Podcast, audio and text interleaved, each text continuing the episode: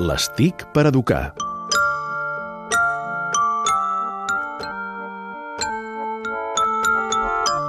I avui a l'Estic per Educar, l'Albert Murillo, el presentador de Generació Digital, ens parla d'una eina relacionada amb la detecció de la dislèxia. Benvingut, sí. Albert. Moltes gràcies. Uh, mira, a mi m'agraden molt les persones apassionades, molt. Uh, jo, hi gent que, que m'agrada molt seguir, i fa un temps vaig llegir una entrevista a la Luz Rello, que és uh, llicenciada en Lingüística a la Complutense de Madrid, amb màster en processament del llenguatge natural a la UAB, i també és doctorada en Human Computer Interaction a la Universitat Pompeu Fabra i és dislèxica i ella va aconseguir amagar, eh, així ho diu, el seu problema per vergonya i per demostrar que podia treure bones notes eh, fins que doncs, eh, va fer el doctorat i un dels seus tutors, que era en Ricardo Baeza, va veure eh, en, el seu, en els seus escrits que hi havia alguna cosa estranya i ella va dir, no, no, és que sóc dislèxica, però no hi ha problema, eh? Mm, continuaré i ho faré bé. I llavors el, el, seu, el seu tutor li va dir, escolta'm, per què no treballes i, i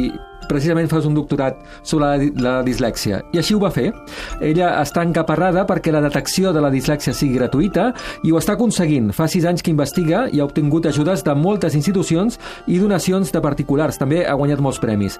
La iniciativa es diu Change Dislexia i podem trobar un test científic que ja utilitzen moltes escoles per detectar la dislèxia en els nens i es veu que funciona amb més d'un 90%. Es diu Detective Test.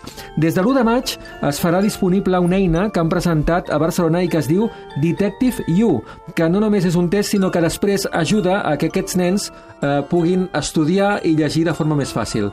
Luz Rello és una noia, jo n'estic absolutament enamorat, sobretot amb la passió eh, que treballa amb tota aquesta feina. Vam dedicar un dia un programa a les dificultats en l'aprenentatge i vam parlar de la dislèxia, una pel·lícula molt bonica que es diu Estrelles en la Tierra, una pel·lícula índia que parla de la dislèxia i de com canvia la vida d'un nen a partir del moment que algú sap que pateix aquella malaltia. Correcte, sí, sí. Doncs gràcies, Albert. Adéu-siau.